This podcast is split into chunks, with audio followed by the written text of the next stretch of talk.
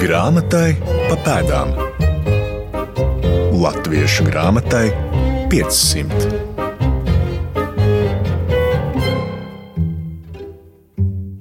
Esiet sveicināti raidījumā Grāmatai pa pēdām.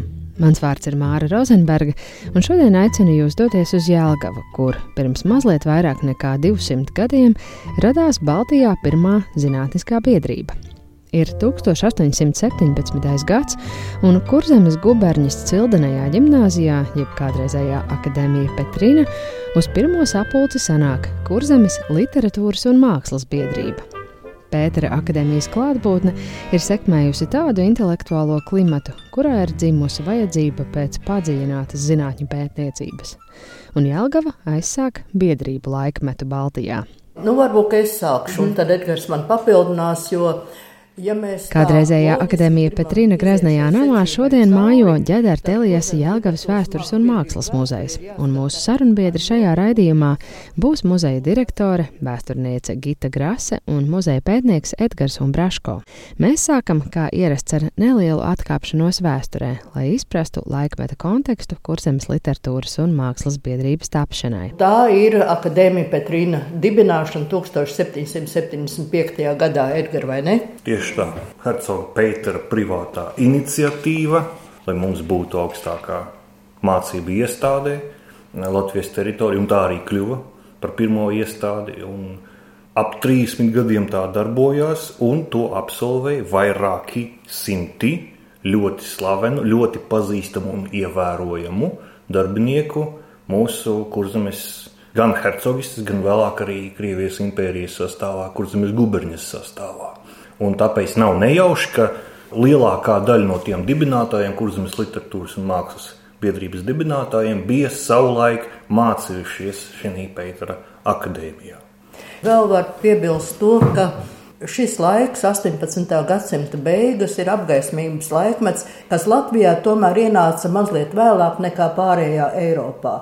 Un šīs apgaismības idejas, nu, viņas bija tiešām tādas mūsu tā laika sabiedrībai tādas diezgan nepierastas, jo tajās runāja par cilvēku vienlīdzību, par to, ka visi cilvēki ir likuma priekšā vienlīdzīgi. Runāja par to, ka visas tautas ir vienlīdzīgas, jau nav zemāka kārta un augstāka kārta. Un šajā sakarā es gribētu teikt, ka nepelnīti, un es nu joprojām nesaprotu līdz mūsdienām, kāpēc mēs izvairāmies runāt par brīvmūrniekiem par brīvmūrnieku lomu lūk šo apgaismības ideju nešanā.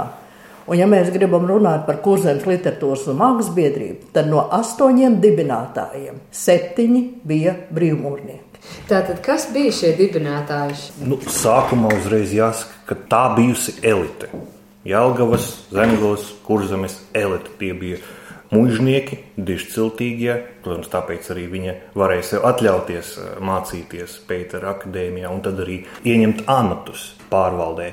Tie lielākoties bija ierēģi, valsts darbinieki, piemēram, Ulrichs Šlipenbachs, kuru mēs visi pazīstam kā brīvmūrnieku un dzējnieku. Viņš īstenībā bija Piltnes apgabalā Landrāts. Landrāts, jā, deputāts, eh, kurš pārstāvēja Piltnes apgabalu Kurzemes parlamentā. Un tad ieņēma vēl dažādas amatus guberņas pārvaldē, piemēram, eh, Heinrichs von Offenbergs, kurš bija arī mecenāts, mākslas mīļotājs. Viņš bija eh, augstākās tiesas prezidents. Vairāk bija vienkārši mužnieki, 18. gadsimta apgaismības laikmeta produkti, jā. sava laikmeta cilvēki, jā, ar savām idejām par vienlīdzību, par izglītošanu. Jā. Un, nu, tas gars viņiem bija tas kopīgais. Jā. Astoņi cilvēki dibinājuši, bet strādāja, kaut kā iesaistījās, protams, vēl vairāki desmiti. Jā, 127 cilvēki jau tika pirmajos gados uzņemti šajā literatūras mākslas biedrībā par biedriem vai godbiedriem. Nu, vispirms biedrības uzdevums bija zinātniska pētnieciskā biedrība. Un jau akadēmiķis Jānis Stradiņš pamatot vienmēr ir aizrādījis, ka Kurzemes literatūras un mākslas biedrība ir mūsu Latvijas Zinātņu akadēmijas, nu varētu teikt, māte. Viena no saknēm jau šeit pirmo reizi Latvijas teritorijā nodarbojās ar zinātni, ar zinātniskiem pētījumiem. Tātad nodarbošanās ar zinātnēm, ar eksaktajām zinātnēm, dabas zinātnēm, sākumā ļoti populāra tā lieta. Tāpēc arī gan ķīmiķi, gan astronomi, matemātiķi, Teodors Grothus arī viens no pirmajos gados ļoti aktīvajiem biedriem. Daļa no kurzemes literatūras un mākslas biedrības dibinātājiem un biedriem, tā teikt, vaigā, varat iepazīt virtuālā izstādē, kas atrodama Latvijas Universitātes bibliotēkas mājaslapā. Tā tapa par godu biedrības 200 gadai 2015. gadā, sadarbojoties bibliotēkas pētniekiem ar Jelgavas muzeja, Latvijas vēstures institūta un Nacionālā arhīva kolēģiem. Tur redzams arī biedrības 1816. gada statūtu oriģināls vācu valodā. Statūtos nospraustos biedrības mērķus izdevumā Zinātnes un augstskolu sākotne Latvijā ir latviskojis akadēmiķis Jānis Stradiņš, bet ielasa mūsu kolēģis Hansis Pavasaris.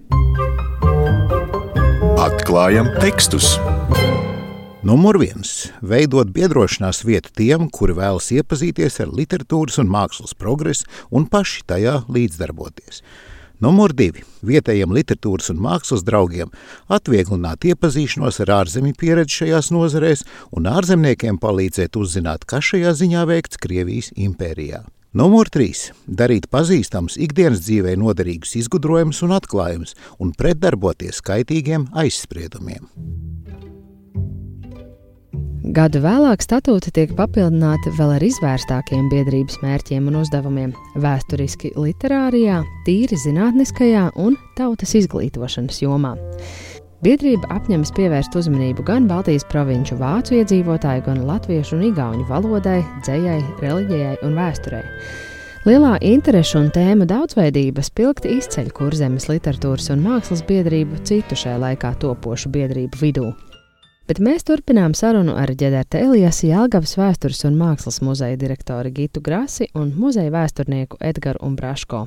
Par ļaudīm, kuri gadu gaitā tika uzņemti kurzemes literatūras un mākslas biedrībā.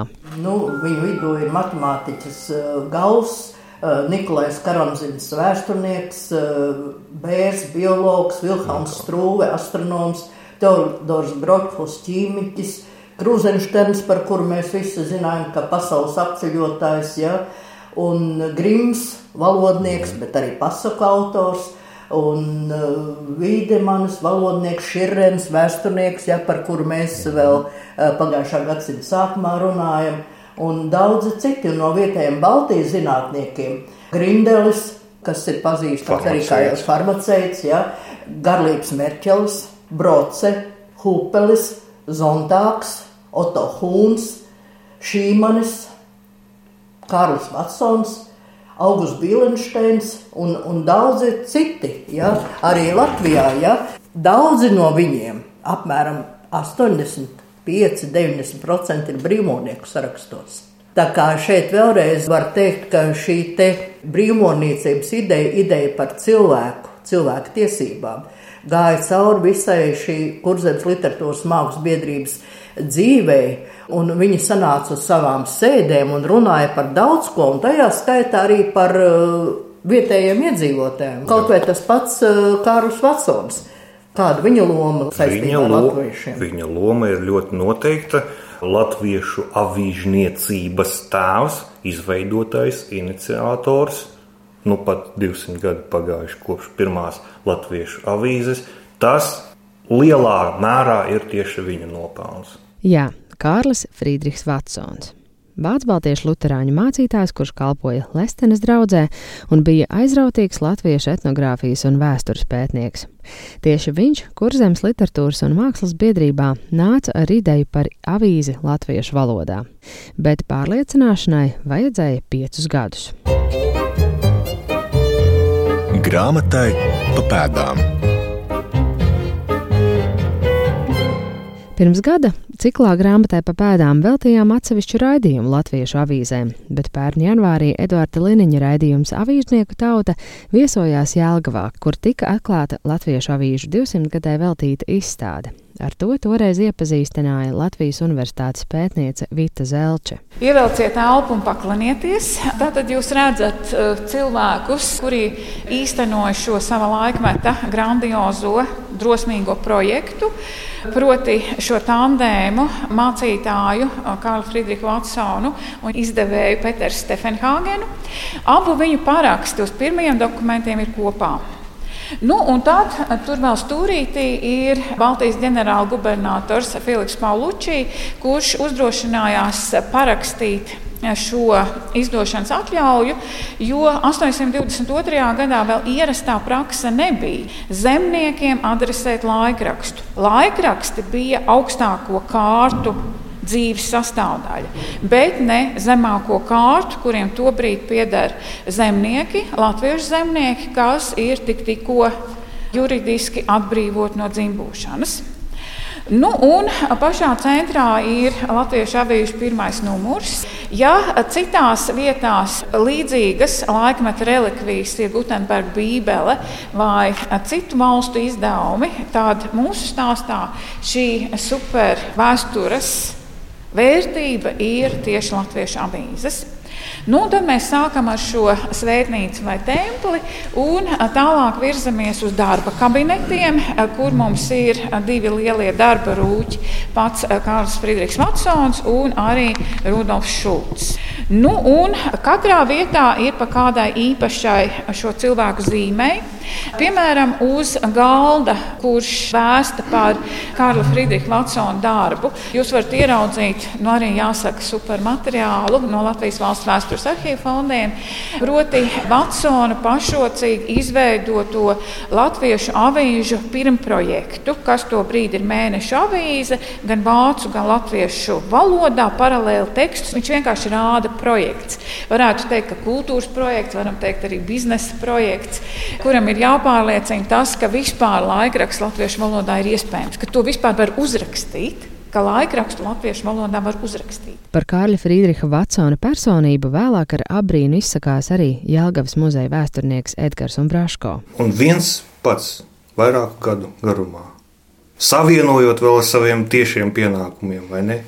Ārkārtīgs enerģisks cilvēks. Es man grūti iedomāties, vai mūsdienās kaut kas līdzīgs būtu tik aizrautīgs, pasionārs cilvēks.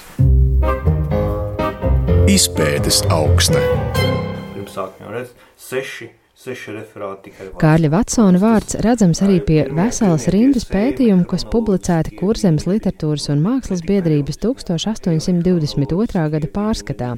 Tas ir vienīgais biedrības izdevums, kas pašlaik ir Jālgavas vēstures un mākslas muzeja krājumā. Mēs apskatām to kopā ar Edgaru un Braško. Jā, piemēram, Uber die Namen der Stadt Mītā, die Letten sind Jelgava neven, par tādu mītavas vārdu un kāpēc latvieši to sauc par Jelgavu. Arī ļoti tāds pētījums. Jā. pētījums jā. Tas viss ir Vatsonam? Jā, tas ir Vatsonam. Tas šādi uh -huh. 1, 2, 3, 4, 5, 6, 7 referāti pēc kārtas. Ļoti produktīvs pētnieks viņš ir bijis jā. biedrībā. Līdzās citu biedrības biedru pētījumiem par ķīmiju un matemātiku, Vatsons publicē darbus ar tādiem nosaukumiem kā, piemēram, par latviešu ciltīm un par latviešu valodas izcelšanos no slāvu krievu valodas un par gotu un somu valodas ietekmi uz latviešu valodu. Cita starpā Vatsons šajā darbā arī vienu zem otra citē un salīdzina dažādas tēvreizes versijas senprūšu un latviešu valodā.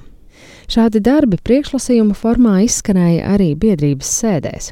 Pētnieki aplēsuši, ka no 1827. līdz 46. gadam, kad biedrību vadīja Johans Friedrichs Reke, ceturtā daļa no visiem vairāk nekā 500 priekšlasījumu bija veltīti literatūrai.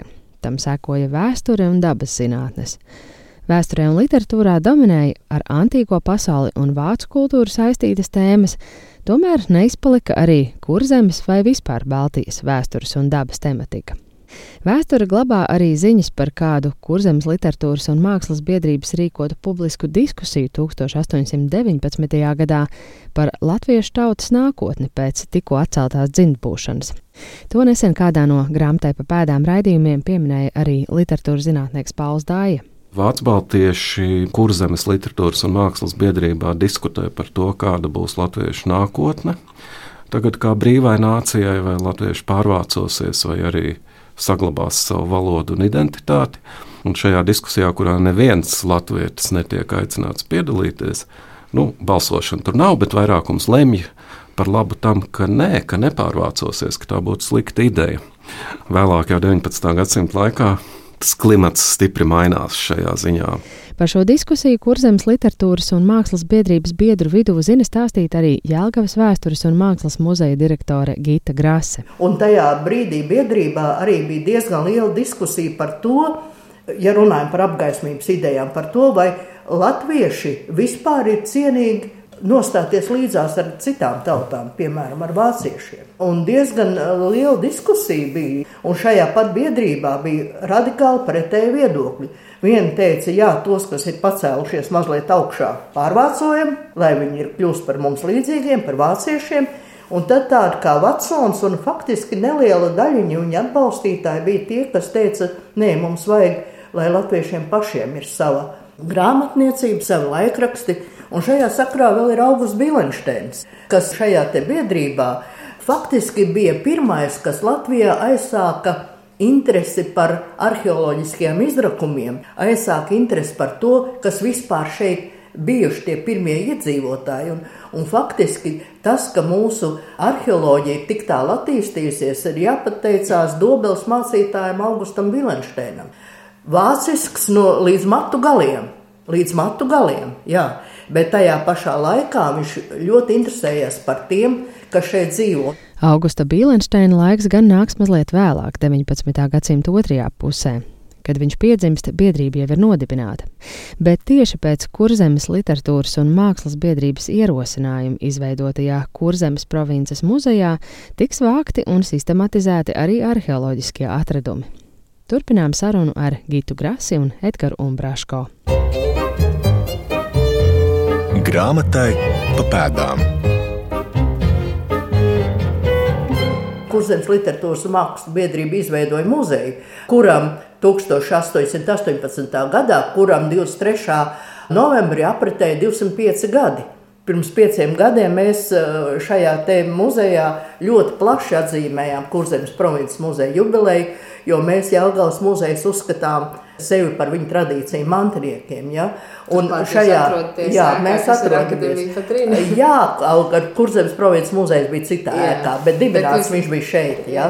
Un pirmā izstāde, Kurzemes provinces muzeja, pirmā tāda nopietnākā izstāde bija Protams, par mužniekiem, par viņu mūžām un tā tālāk, bet tajā pašā laikā tur bija arī tāds stūrītis, kā teica nu, izstādes autori, tāds stūrītis, kur bija par zemgaļiem, par viņu tradicionālo dzīvesveidu, nu, faktiski tāda etnogrāfiskā izstāde. Un, un ja mēs runājam par etnogrāfisko, teiksim, mūsu tautas izpēti, tad Kurzemes literatūras mākslas biedrībai un Augustam Bilensteinam tur neapšaubām ir ļoti liels nopelns. Es vēl gribēju papildināt, nu, ja mēs sākām jau par Kurzemes muzeju runāt, sākumā tā bija vietējo mužnieku iniciatīva, dalāmies ar savām kolekcijām, kas no kuram ir kas nu kuram interesē. Lielākā daļa bija no viņu privātām kolekcijām, ieroči, visādas mākslas lietas, pašu portreti, protams. Mm, protams. Un viss, kas jā, un etnogrāfija, jā, maziņš stūrīts, kaut kādas kuriozitātes, kaut kas interesants. Piemēram, Kurzemes muzeja tādā ekspozīcijā bija vitrīnā izlikts galvaskaus, sievietes galvaskaus ar naglu pierē. Kaut kas nu, ļoti šaušalīgs, protams, no mūsdienām, bet nu, interesanti, kas tas bija. 30. gados, 830. gados pie Dunkas tur atraka kapu ar sievieti, no nu, galvaskaustā nosauca trīni. Nu, bija stāsts, ka viņi nosodīja par kaut kādu burvestību, par kaut ko, nu, bet bija kā etnogrāfiskā tāda interesanta relikvija. Un tikai pēc tam, pēc vairākiem gadiem, jau Bīlensteina laiks, 19. gadsimta otrā pusē, ir jau sistemātiskā interese, sistemātiskā eh, zinātniskā arheoloģija. Beidzot, mēs skatāmies par to zinātniski. Ir tāds zināms stāsts, ka mm, vidzemes pētnieks Krūze eh, gadsimta vidū bija vienā no pilskalniem veicis rakumus, nesistemātiski, ne pēc sistēmas, kaut ko ir atrasts, vairākas vērtlietas. Tas jau nebija nevienam. Jā, un tad pēc, un, un, un, un pēc savas vīzijas viņš tur mēģināja rekonstruēt to senlatviešu tērpu. Rekonstruējis kaut kā pat iezīmējis, nu, bet nu, kā nu viņš zina no savas prasmes. Piemēram, sievietes vainaga daļu, tur grabulīšiem, bronzas. Viņš to nosauc par bruņu cepuri, piemēram. Jā, un tad uzzīmē. Un, jā, starp citu, brīvības pieminekli Lāčplēša tā un tā cepurīte joprojām ir kaut kāds Tāds kurjos. Nu, tā tad, jā, un tad pagāja ap 50 gadiem, līdz mēs ar to nopietni kā ar zinātni sākam nodarboties. Nevis ar kaut kādām kuriozitātēm. Mm -hmm. Tas arī ir ļoti mhm. svarīgi. Pirmo desmitgažu vēriens Kurzemes literatūras un mākslas biedrības darbībā 19. gadsimta otrajā pusē noplok, un virsroku ņem novedpētnieciska ievirze. Vispār varētu tā teikt, ka sākumā viņi tiešām bija mm, no dibināšanas brīža, kā jau visām biedrībām, tie mērķi bija lieli. Un vairāk tika biedrības sēdēs runāts par tiešām par tādām zinātniskām lietām. Par to, ko mēs tā saucam par fundamentālo zinātni, bet, protams, iedīglī. Bet eh, jau ar kādiem 19. gadsimta vidu, 50. un 60. gadi, viņa zaudēja šo savu tīri zinātnisko ievirzi ļoti, ja, un palika vairāk par tādu vietēju mēroga, nu, zemgals kurzemes mēroga biedrību, kas pētīja lūk šo te vietējo. Vietējās parašas, vietējo attīstību, mūžu vēsturi un tā tālāk, respektīvi fokusējās vairāk uz sevi, nevis uz zinātni kā tādu. Protams, ka mums, ja teiksim, vēsturē, tas jau nāca tikai par labu. Viņu pētījumi Latvijas laikā ir pārtulkoti mums bija tāda ļoti skaista grāmata, eh, Senatūra māksla, kur faktiski ir eh, tie būtiskākie no tiem biedrībā veiktajiem priekšlasījumiem ir iztulkot, jā, nu, biedrības sēdes notika vācu valodā, tā bija tīra vāciska biedrība, jā, neraugoties to, ka domāju par latviešiem. Šīs te biedrības sēžu referāti ir publicēti, jā, un viņi vēl tagad mūsu etnogrāfiem, mūsu Latvijas vēstures zinātniekiem, jā, viņi ir ļoti labs materiālu un avotu krājums. To nevar noliekt, neskatoties uz visām aklamībām par to bruģceprīti. Kurzemes literatūras un mākslas biedrība pastāvēja vairāk nekā simta gadu, bet vēsturnieki secina, ka produktīvākās tās darbā bija un palika tieši pirmās desmitgades. 20. gadsimta 90. gados lielu darbu Kurzemes literatūras un mākslas biedrības devuma apzināšanā ieguldījis akadēmiķis Jānis Stradiņš, bet no jauna uzmanība šai Zinātņu akadēmijas priekštecei tika pievērsta 2015. gadā, kad notika biedrības 200 gadē veltīta starptautiska konference un izstāde. Šajā kontekstā varat noklausīties mūsu kolēģu no Zināmais nezināmajā 2015. gada raidījuma par biedrības vēsturi, kurā vēsturnieks Andris Šnē aprakstīja arī Kurzemes literatūras un mākslas biedrības beigas. Ja, jo tagad sākās Pirmais pasaules karš, tad biedrība pat īsti jau nespēja pat nosvinēt pienācīgi, lai gan bija plānota ļoti vērienīga pasākuma biedrības simtgadē 1915. gadā, bet karš izjauca šos plānus. Un pēc Pirmā kara 20. un 30. gados nu, biedrība būtībā savu iepriekšējo spožumu lomu vairs atgūt nespēja. Ja, un, 39. beidz pastāvēt. Un, lai gan jau iepriekš, jau 35. gadā ap pieminiektu valda atsevienu Kurzemes Lietuvas mākslas biedrības arhīvu, biedrība pat pēc tam ierosina tiesas procesu, ja vai tiešām tas ir bijis likumīgi, atņem viņiem šo gadsimtu gaitā veidoto krājumu, bet no nu, Latvijas tiesas senāts tomēr nolēma, ka tas ir bijis likumīgi un ka tas atbilst tā laika tradīcijām. Un tad, kad arī sākās Vācu baltiešu izceļošana no Latvijas, tad arī būtībā biedrība gan de facto, gan de jure arī beidz savu pastāvēšanu. Un 40. gada sākumā pēdējais Kurzemes literatūras un mākslas biedrības prezidents jau nodod šīs biedrības ēkas atslēgas, atslēgas Jelgavas pilsētas pārstāvjiem, un biedrība ir beigusi savu darbu. Ar to arī izskan raidījums grāmatai pa pēdām. Paldies mūsu šīs reizes ceļa biedriem Gitai Grasai un Edgaram Umbraško no ķederta Elijas Jāgavas vēstures un mākslas muzeja. Nākamnedēļ ieskatīsimies latviešu grāmatniecības vēstures smalkumos 19. gadsimta liepājā. Šī raidījuma padomdevējs ir Latvijas Nacionālā biblioteka un Latvijas Universitātes Akademiskā biblioteka, producente Santa Lauga Par skaņu rūpējās Nora Mītspapa. Grāmatai pa pēdām Latviešu grāmatai 500.